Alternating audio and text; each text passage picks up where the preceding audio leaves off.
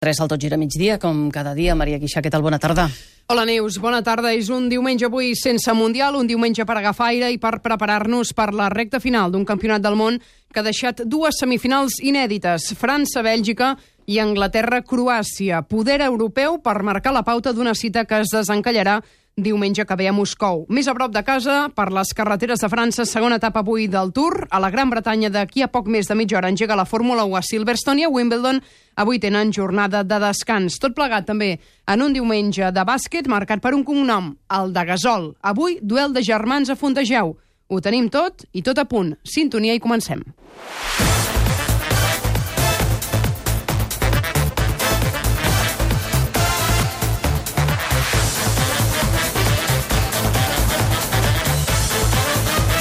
Tot gira migdia amb Maria Guixà. Semifinals inèdites al Mundial de Futbol de Rússia. One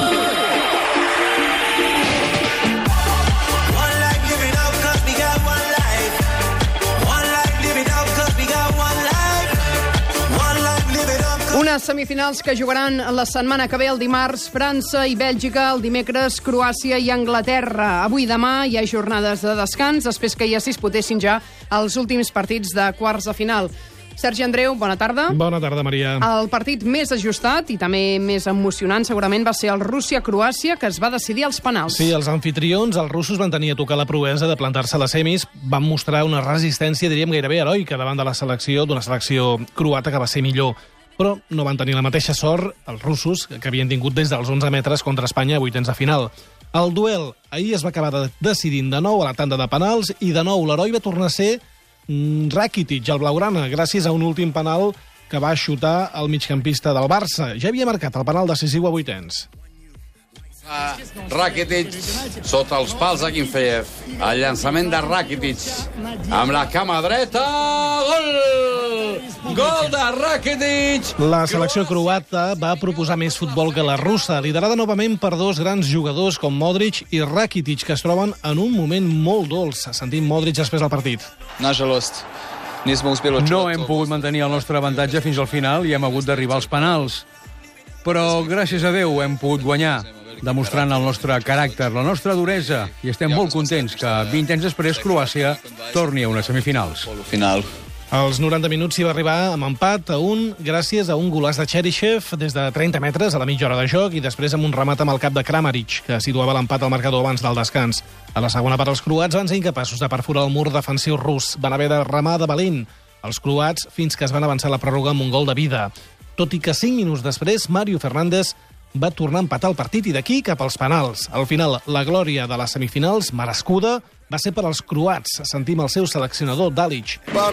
No podia ser més difícil ni més dur, però gràcies als nois i a la seva lluita, Croàcia està a les semifinals del Mundial i tots n'hem d'estar molt orgullosos. Els russos ens han sorprès, han jugat amb agressivitat, amb força. La nostra primera part no ha estat bona, la segona millor. Ha estat un partit fort contra els anfitrions i ara seria una llàstima que no arribéssim a la final de Moscou. Rússia diu adeu de forma digna i arribant més lluny d'on hauria imaginat. I Croàcia és el segon cop que es classifica per unes semifinals d'un Mundial. El primer va ser a França fa 20 anys, l'any 98, amb aquella generació amb Zucker, Boban, Prosinecki o Jarni. Per cert, una curiositat, Croàcia és la segona selecció que supera dues tandes de penals en un Mundial. L'últim cop que va passar això, i de fet el primer també, va ser amb l'Argentina, l'any 90, que va eliminar Iugoslàvia i Itàlia als penals, als quarts i a les semis d'aquell Mundial. Doncs Croàcia, que ja la tenim a semifinals, i a l'altre partit de quarts disputat ahir, l'Anglaterra-Suècia, es van complir els pronòstics i van ser els anglesos qui van aconseguir el bitllet per les semifinals 28 anys després de l'últim cop, l'any 1990.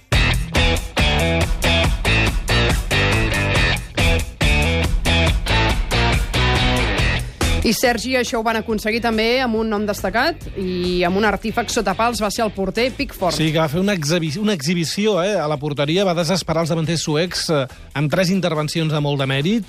Eh, Suècia, com a equip, diríem que es va estavellar contra les seves pròpies carències. Anglaterra, en canvi, va tornar a demostrar el seu potencial aeri amb dos gols esplèndids després de dues rematades a cap. El primer de Maguire, rematant un servei de corna i avançant-se perfectament a Forsberg.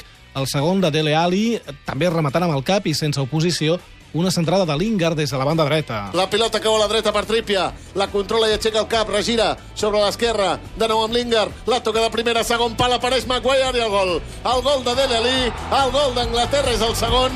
Anglaterra sentencia. Dele Alli, per cert, es va convertir en el segon jugador més jove d'Anglaterra a marcar un, un Mundial, després de Michael Owen. El del Tottenham té ara 22 anys i 87 dies. Anglaterra avança en aquest Mundial gràcies a les bones actuacions del porter, als gols de Harry Kane i sobretot a la seva eficàcia en les jugades d'estratègia. Ha marcat 8 dels 11 gols a pilota aturada.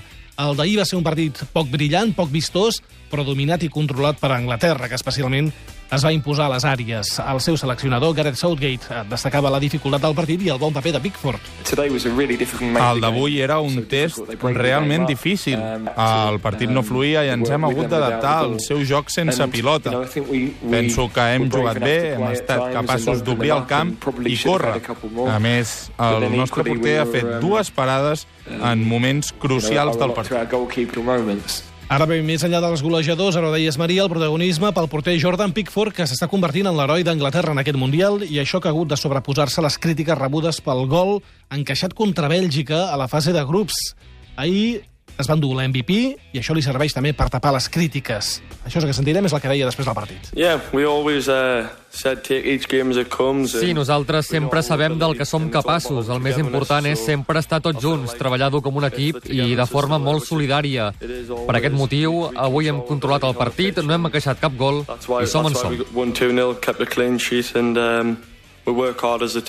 Won 2-0, kept a clean sheet and we work hard as a team. Suècia pot dir que marxa amb el cap ben alt, havent fet un bon Mundial, havent caigut als quarts de final. Anglaterra ara buscarà l'accés a la final, dimecres contra Croàcia, una final, per cert, que els anglesos no juguen des de fa 52 anys, l'any 66. déu nhi i encara Sergi relacionat amb el Mundial, però de manera més col·lateral, hi ha hagut una dimissió avui, la de Fernando Hierro.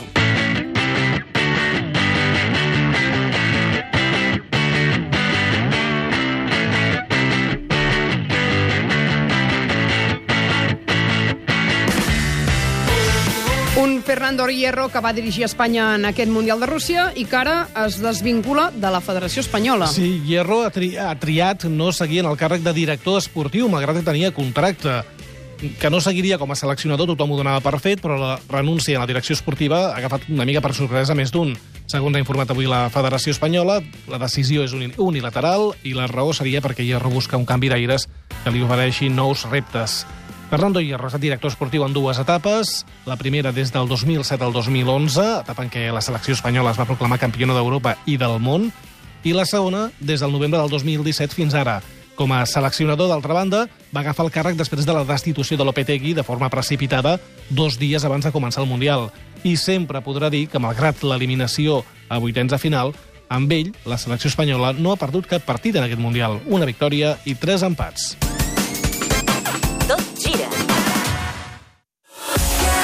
Revolució 4.0, amb Xantal Llavina. Aquesta setmana ens visita el comunicador i emprenedor únic Ramon Gené de Digisar i Opera en Texans. També parlarem dels cotxes autònoms que ja es fabriquen aquí, coneixerem com ajudar les empreses a gestionar el seu temps i descobrirem la Ritchie Foundation, que fa projectes científics i que va néixer gràcies a la solidaritat dels pares d'un nen malalt de càncer. Revolució 4.0, cada diumenge a les 11 de la nit a Catalunya Ràdio, amb Xantal Llavina. Et revoluciones amb nosaltres? Independents, curiosos i inquiets, com els gats. Així és ICAT. Amb la millor música de l'escena catalana i la internacional. I també jazz, cine, fusió, llibres, electrònica, arts escèniques, folk, sèries, còmics. ICAT a l'FM, al web i als dispositius mòbils. ICAT, la ràdio inquieta. Tot gira a migdia. Amb Maria Guixà.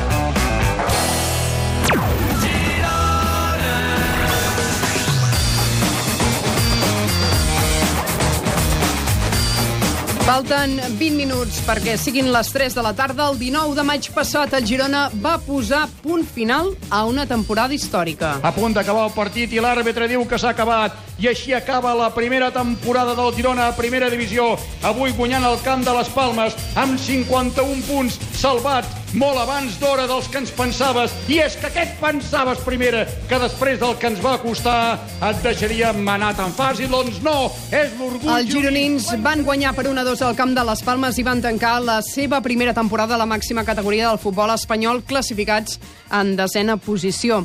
Montsemir, bona tarda. Bona tarda. Demà ja l'equip posa punt final a les vacances. Amb una plantilla marcada per la continuïtat i sense canvis importants ni gaires moviments de moment al mercat de fitxatges. Demà arrencarà el Girona Postmachín. Soy consciente de lo que supone entrenar al, al- al Girona en estos momentos, eh, en estos momentos de su historia, viviendo los momentos que está viviendo tan dulces y tan buenos. Eusebio Sacristán n'és el nou entrenador, el canvi més important de la foto de la nova temporada d'un equip que ja no tindrà el capità Eloi Amagat ni tampoc Pablo Mafeo, però que ha renovat jugadors clau com Borja García, Adai, Porto i Àlex Granell, entre d'altres, i que ha fet efectives les opcions de compra de Marc Muniesa i Johan Mojica. El club, a més, també ha renovat el director esportiu Quique Càrtel fins l'any 2022. De cara a aquesta pretemporada, l'equip gironí Montse anirà aquest estiu a la Índia i serà tot just la primera sortida fora d'Europa. Hi haurà dos amistosos allà, el 27 i el 28 d'aquest mes, contra el Kerala Blasters, que juga la Superliga Índia, i contra el Melbourne City australià.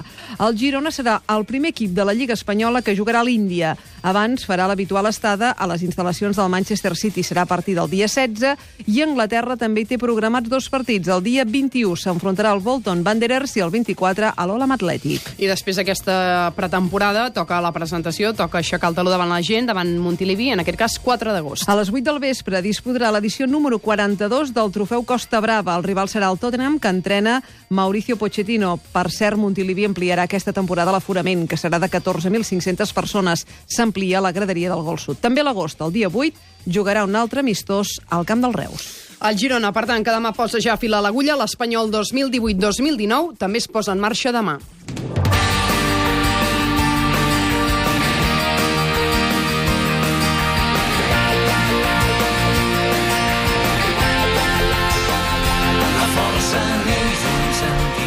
Xavi Palau, bona tarda. Què tal, Maria? Com estàs? Bona tarda. Demà comença ja la pretemporada de l'equip blanquiblau. Fa, com és tradicional, amb les primeres revisions mèdiques, proves físiques i també ja entrenaments a la ciutat esportiva de Nijarque. Dos primers dies, com dius, per confirmar l'estat físic dels jugadors i el dimecres 11 l'equip es desplaçarà una setmana a Olot fins al dia 19, data en què està previst el primer amistós davant l'equip de la capital de la Garrotxa a dos quarts de vuit del vespre. L'equip seguirà amb la preparació a Barcelona abans de desplaçar-se als Estats Units, on disputarà dos amistosos.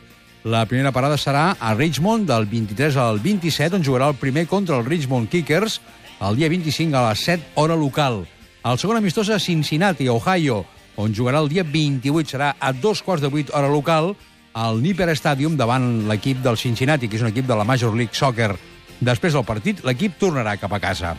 Ja al mes d'agost, el següent compromís està fixat pel dia 5 contra el Barley, al seu estadi a dos quarts de dues hora local. Tres dies més tard, el 8 d'agost, l'Espanyol jugarà al nou estadi davant el Nàstic a dos quarts de nou del vespre. L'Espanyol posarà el punt final a la pretemporada amb un últim amistós, el més exigent a Alemanya, enfrontant-se al Borussia Mönchengladbach al Wall Stadium a dos quarts de quatre del dissabte 11 d'agost, just una setmana abans que comenci la Lliga de Primera Divisió. I Xavi, de moment i a l'espera de com queda configurada la plantilla, finalment el principal al·licient és l'arribada de Rubi a la banqueta. El tècnic de Vilassar de Mar, de Vilassar de Mar dèiem, ha tancat la seva última etapa exitosa a l'Osca amb un ascens històric a primera abans del compromís amb l'Espanyol per les dues pròximes temporades. A la seva presentació va deixar clara quina és la seva filosofia de treball. Bueno, el plantejament esportiu eh, es pot definir amb una paraula perquè després el futbol són moltes coses, no? Però serà val valentia. Això és com definiré, eh, com intentaré que jugui el primer equip de l'Espanyol. Enmig de diverses negociacions encara obertes i amb un estiu de mercat que es preveu llarg, l'Espanyol ha perdut el seu jugador franquícia, Gerard Moreno, fitxat pel Villarreal. El club també ha alliberat una fitxa alta com la de Jurado, que ha marxat a l'Aràbia Saudita. A més, hi ha hagut fins ara les sortides de Marc Navarro i del porter Pau López com a més destacades i la renovació una temporada més de Sergio García. Pel que fa a les incorporacions, el club treballa amb diverses opcions, però sobretot intenta compensar la marxa de Gerard amb un recanvi de garanties. L'arribada que semblava pràcticament tancada del davanter Borja Iglesias, jugador del Celta i que ha jugat aquesta última temporada cedit al Saragossa, podria haver patit un retrocés per la intromissió d'un club xinès. També jugadors que han acabat les sessions i amb un futur incert com Álvaro Vázquez, Hernán Pérez o el porter Roberto es posen a partir de demà a les ordres del tècnic. Rubi, que de moment no disposarà d'una plantilla definitiva i que començarà a treballar amb molts interrogants encara per definir, vol canviar la dinàmica negativa de la temporada passada i retornar, ara el sentireu, la il·lusió del soci i aficionat Perico. Tu puguis sortir de l'estadi dient mm, la veritat és que m'identifico amb aquesta forma de jugar i m'han fet passar una bona tarda. Doncs dos dies més tard que l'Espanyol i el Girona, el qui s'hi posarà és el Barça.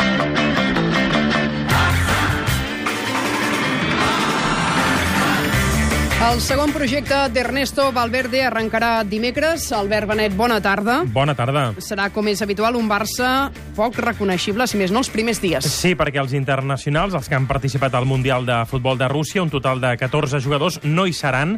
S'aniran reincorporant a la pretemporada del Barça de manera esglaonada en funció de quan hagin quedat eliminats, en funció de cada cas concret de cada futbolista. Els primers dies com és habitual també, es faran les proves mèdiques i físiques. La plantilla viatjarà als Estats Units el dia 24 per fer-hi la gira. Fins al 4 d'agost seran 12 dies de gira americana en els quals el Barça jugarà tres amistosos contra el Tottenham, la Roma i el Milan.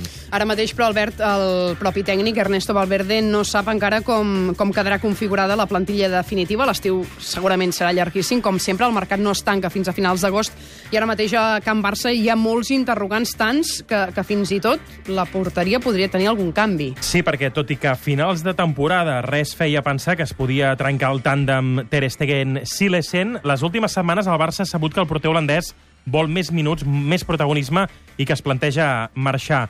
Sap que al Camp Nou el seu paper serà residual, que pràcticament s'haurà de limitar a jugar la Copa, tenint en compte que Ter Stegen és indiscutible. El club no el vol deixar marxar perquè entén que la porteria està coberta amb plenes garanties, però una oferta astronòmica podria fer canviar aquesta opinió. La clàusula de Silesen és de 60 milions d'euros, podria marxar per la meitat, per 30 milions, tot i que cada dia que passa sembla menys probable la seva marxa. Per si de cas el Barça té a punt algun pla B. I de la porteria passem a la defensa.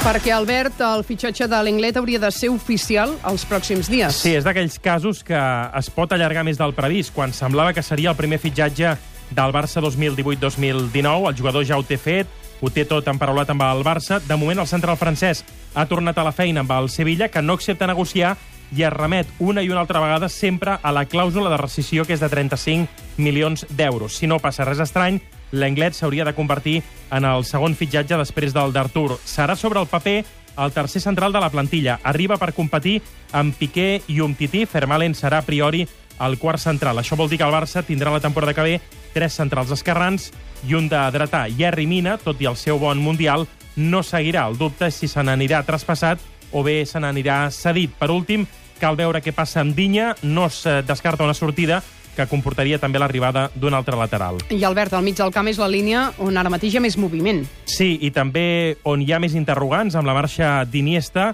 cal veure si el club es conforma amb el fitxatge d'Artur i amb l'aposta per Alanyà o si acabarà arribant algun altre migcampista dels considerats top i que tingui característiques semblants a les d'Iniesta. La imminent sortida de Paulinho també és significativa. Entraran uns calés a la caixa i s'haurà de veure com s'invertiran. Aquesta setmana està prevista una reunió de la cúpula blaurana per decidir si el club fitxa un substitut de Paulinho, és a dir, un jugador de perfil més físic, o si s'aposta per un jugador més tècnic, tenint en compte que Artur necessitarà un temps d'adaptació al futbol europeu. Artur, per cert, havia d'arribar avui a Barcelona, però finalment ho farà d'aquí uns dies per un tema relacionat amb la paperassa. El nou jugador blaurana està pendent de rebre el permís de treball necessari per firma, eh, per firmar el nou contracte. I Albert, acabem al davant. No es descarta fins i tot l'arribada d'un davanter. Sí, sobretot tenint en compte que havia d'arribar Griezmann, el jugador de l'Atlètic de Madrid, un fitxatge que responia més a una oportunitat de mercat que no pas a una necessitat real. Sense el francès, a priori, Paco Alcácer s'hauria de quedar, però és un dels jugadors considerats transferibles. Hi ha ofertes per Alcácer, que podria decidir marxar. Si és així, si Alcácer marxés, el Barça hauria d'apostar per un relleu, per un nou pur, per complementar la figura de Luis Suárez. Falten 10 minuts perquè siguin les 3 de la tarda. Deixem el futbol, parlem de bàsquet, perquè avui a Girona hi ha un face-to-face -face entre gasols. Avui afuntegeu Marc contra Pau.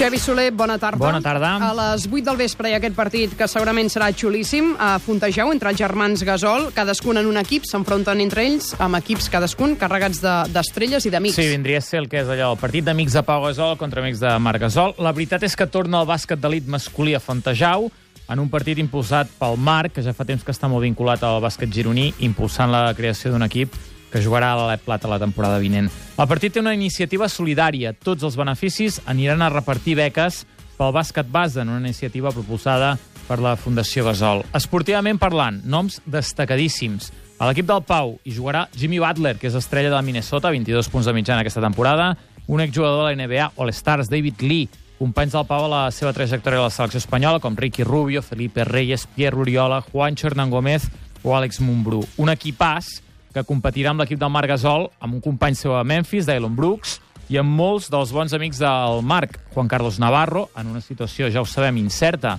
després que el Barça li hagi comunicat que no compta amb ell la temporada vinent, amb Sergio Llull, Víctor Claver, San Emeterio, o amics seus ja personals com Víctor Sada o la presència gironina de Jordi Trias. Els entrenadors seran Joan Montes, a l'equip del Pau. De fet, el Joan Montes va ser qui el va, un dels seus descobridors en el bàsquet base del Barça, i Pedro Martínez a l'equip del Marc. Van coincidir en l'època de la Casbaio Girona. Ahir mateix, el Pau ens acompanyava al Tot Gira i ens feia una falca ideal per Demà veurem un espectacle, un partit espe especial que s'ha fet amb molt de carinyo i amb molt d'esforç eh, per poder mm, fer aquest regal, jo crec també a tota la gent que s'apropi a, a Girona i a Fontejau eh, i, i veurem bueno, una festa del bàsquet, una festa del bàsquet que és, que és inusual, eh, amb jugadors eh, NBA, amb companys de, de selecció de gran nivell.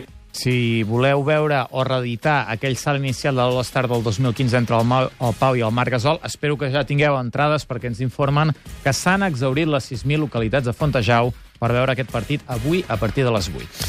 I Xevi, no marxis encara perquè el que toca ara és ciclisme, toca Tour de França.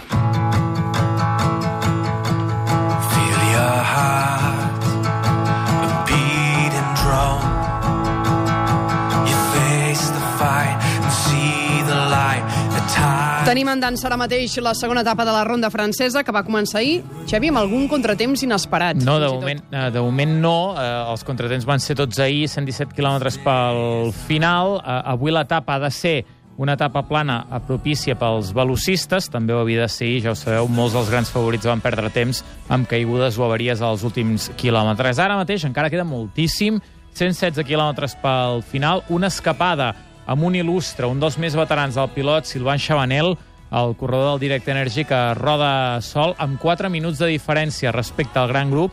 És una escapada que ha preocupat una miqueta el Quick Step, que és l'equip de Fernando Gaviria, el líder, i el gran favorit avui també en el segon sprint. Per, per tant, a 116 minuts ja s'han posat a tirar. Molta atenció als quilòmetres finals, als nervis, a que no hi hagi caigudes i a que corredors que hi van perdre temps, com Chris Froome, Richie Port o Nairo Quintana, avui no continuen acumulant aquest temps perdut respecte a altres favorits com Vincenzo Nibali. Ens sentíem aquest matí al, al suplement explicant que en principi no ha de condicionar aquestes caigudes, és poc temps relatiu i que no, Eh, Sí, no jo crec, jo crec que hi ha moltíssima, moltíssim recorregut, moltíssima muntanya també, contrarrellotge per equips i contrarrellotge individual per poder recuperar els 52 segons, que és el que va perdre Chris Froome, el minut i 15 segons, que és el que va perdre Nairo Quintana, però bé, eh, tot aquest eh, tros que han perdut ja en una etapa que a priori havia de no comportar diferències significatives a la general, és tot un avantatge pels que van estar una mica més atents o van tenir més sort, com, sobretot jo destaco, Vincenzo Nibali, però també Tom Dumoulin, que en aquestes primeres setmanes pot treure molt rèdit del que a priori no hauria d'haver passat. Falten 6 minuts per les 3. D'aquí a poquíssima estona ja comença un clàssic de la Fórmula 1. La xarxa Fort de Catalunya t'ofereix aquest espai.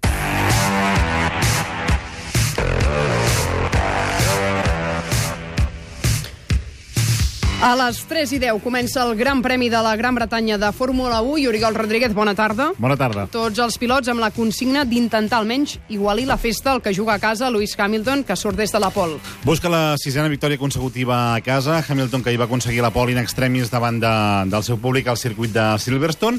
I és la cinquena pole position consecutiva que va aconseguir i avui buscarà aquesta sisena victòria. De fet, si Hamilton avui és capaç de quedar al davant de Sebastián Vettel, que surt des de la segona posició, recupera el primer lloc a la general del Mundial. A la grella de sortida trobem a Hamilton al primer lloc, a compartint la primera fila amb Sebastian Vettel, tercer sobre l'altre Ferrari, el de Kimi Raikkonen, compartint la segona fila amb l'altre Mercedes, el de Valtteri Bottas. Per tant, no hi ha novetats en aquest gran premi, amb els Ferrari i els Mercedes a les dues primeres files. A la tercera trobem els de sempre, el Red Bull, de Verstappen i també de Ricciardo. La incògnita saber com aguantaran els pneumàtics en aquest circuit de Silverstone. Fa força calor, 28 graus de temperatura ara mateix. No sembla que avui hagi de ploure en aquest gran premi de la Gran Bretanya. Hamilton que busca la sisena victòria. Eh, En teoria, els cotxes han d'anar a una sola aturada, amb Alonso que ha tornat a fer un galdós paper, a la tretzena posició sortirà 17è l'altre McLaren al davant Re, un quart d'hora perquè comenci aquest gran premi a la Gran Bretanya, tothom pendent d'això, tenint en compte que avui ni juga Anglaterra, ahir la gent no n'estava pendent, però avui no juga Anglaterra, i tampoc hi ha tennis a Wimbledon, perquè és diumenge i avui hi ha, hi ha pausa. I de seguida en parlem. De debò? Les 5 de la matinada? Som-hi, que només queden 500 unitats del Ford Focus actual totalment equipat per 14.990 euros. És l'última oportunitat per aconseguir el Ford Focus amb motor EcoBoost, navegador, connectivitat total i molt més per tan sols 14.990 euros. Només 500 unitats. Anem al concessionari ja! Finançat amb FCE Bank fins a esgotar existències. Condicions a Ford.es. Xarxa Ford de Catalunya. Tot gira a migdia. Amb Maria Guixà.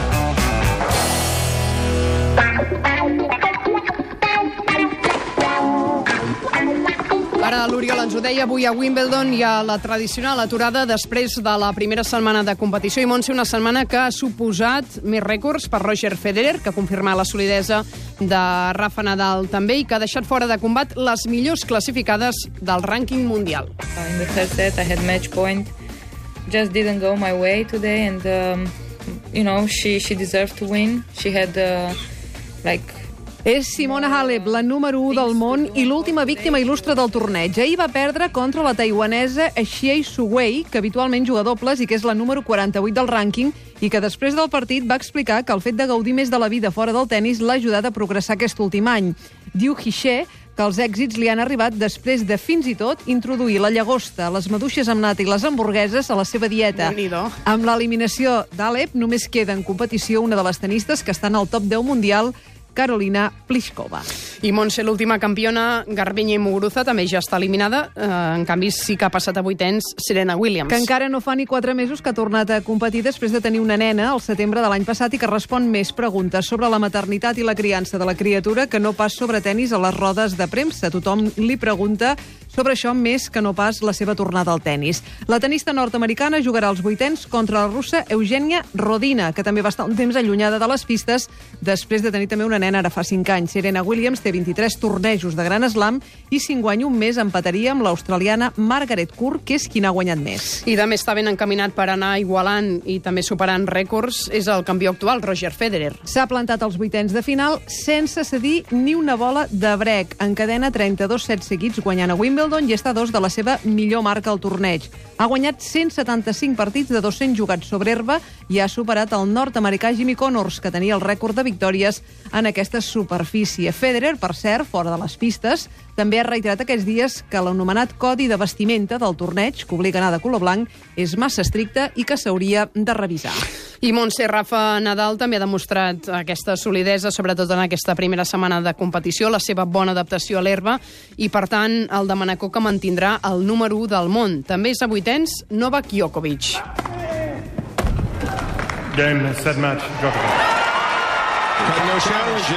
És el moment en què el tenista serbi elimina Kyle Edmund, que en absència del lesionat Andy Murray s'ha convertit en l'esperança del públic. S'havia convertit, però eh, el serbi el va eliminar. De fet, l'actitud dels aficionats durant el partit no va agradar gens a Djokovic, que després de jugar va dir que l'havien molestat molt xiulets i sorolls que feia al públic per distreure'l i que no es poden apreciar per la televisió. Djokovic, que ha estat força temps sense jugar per lesió, s'ha classificat per uns vuitens de final de Gran Slam per 44a vegada. Només el supera Federer, que n'ha disputat 61. Per cert, Djokovic s'enfrontarà en aquests vuitens contra el rus Karen Kachano. Un minut i les 3.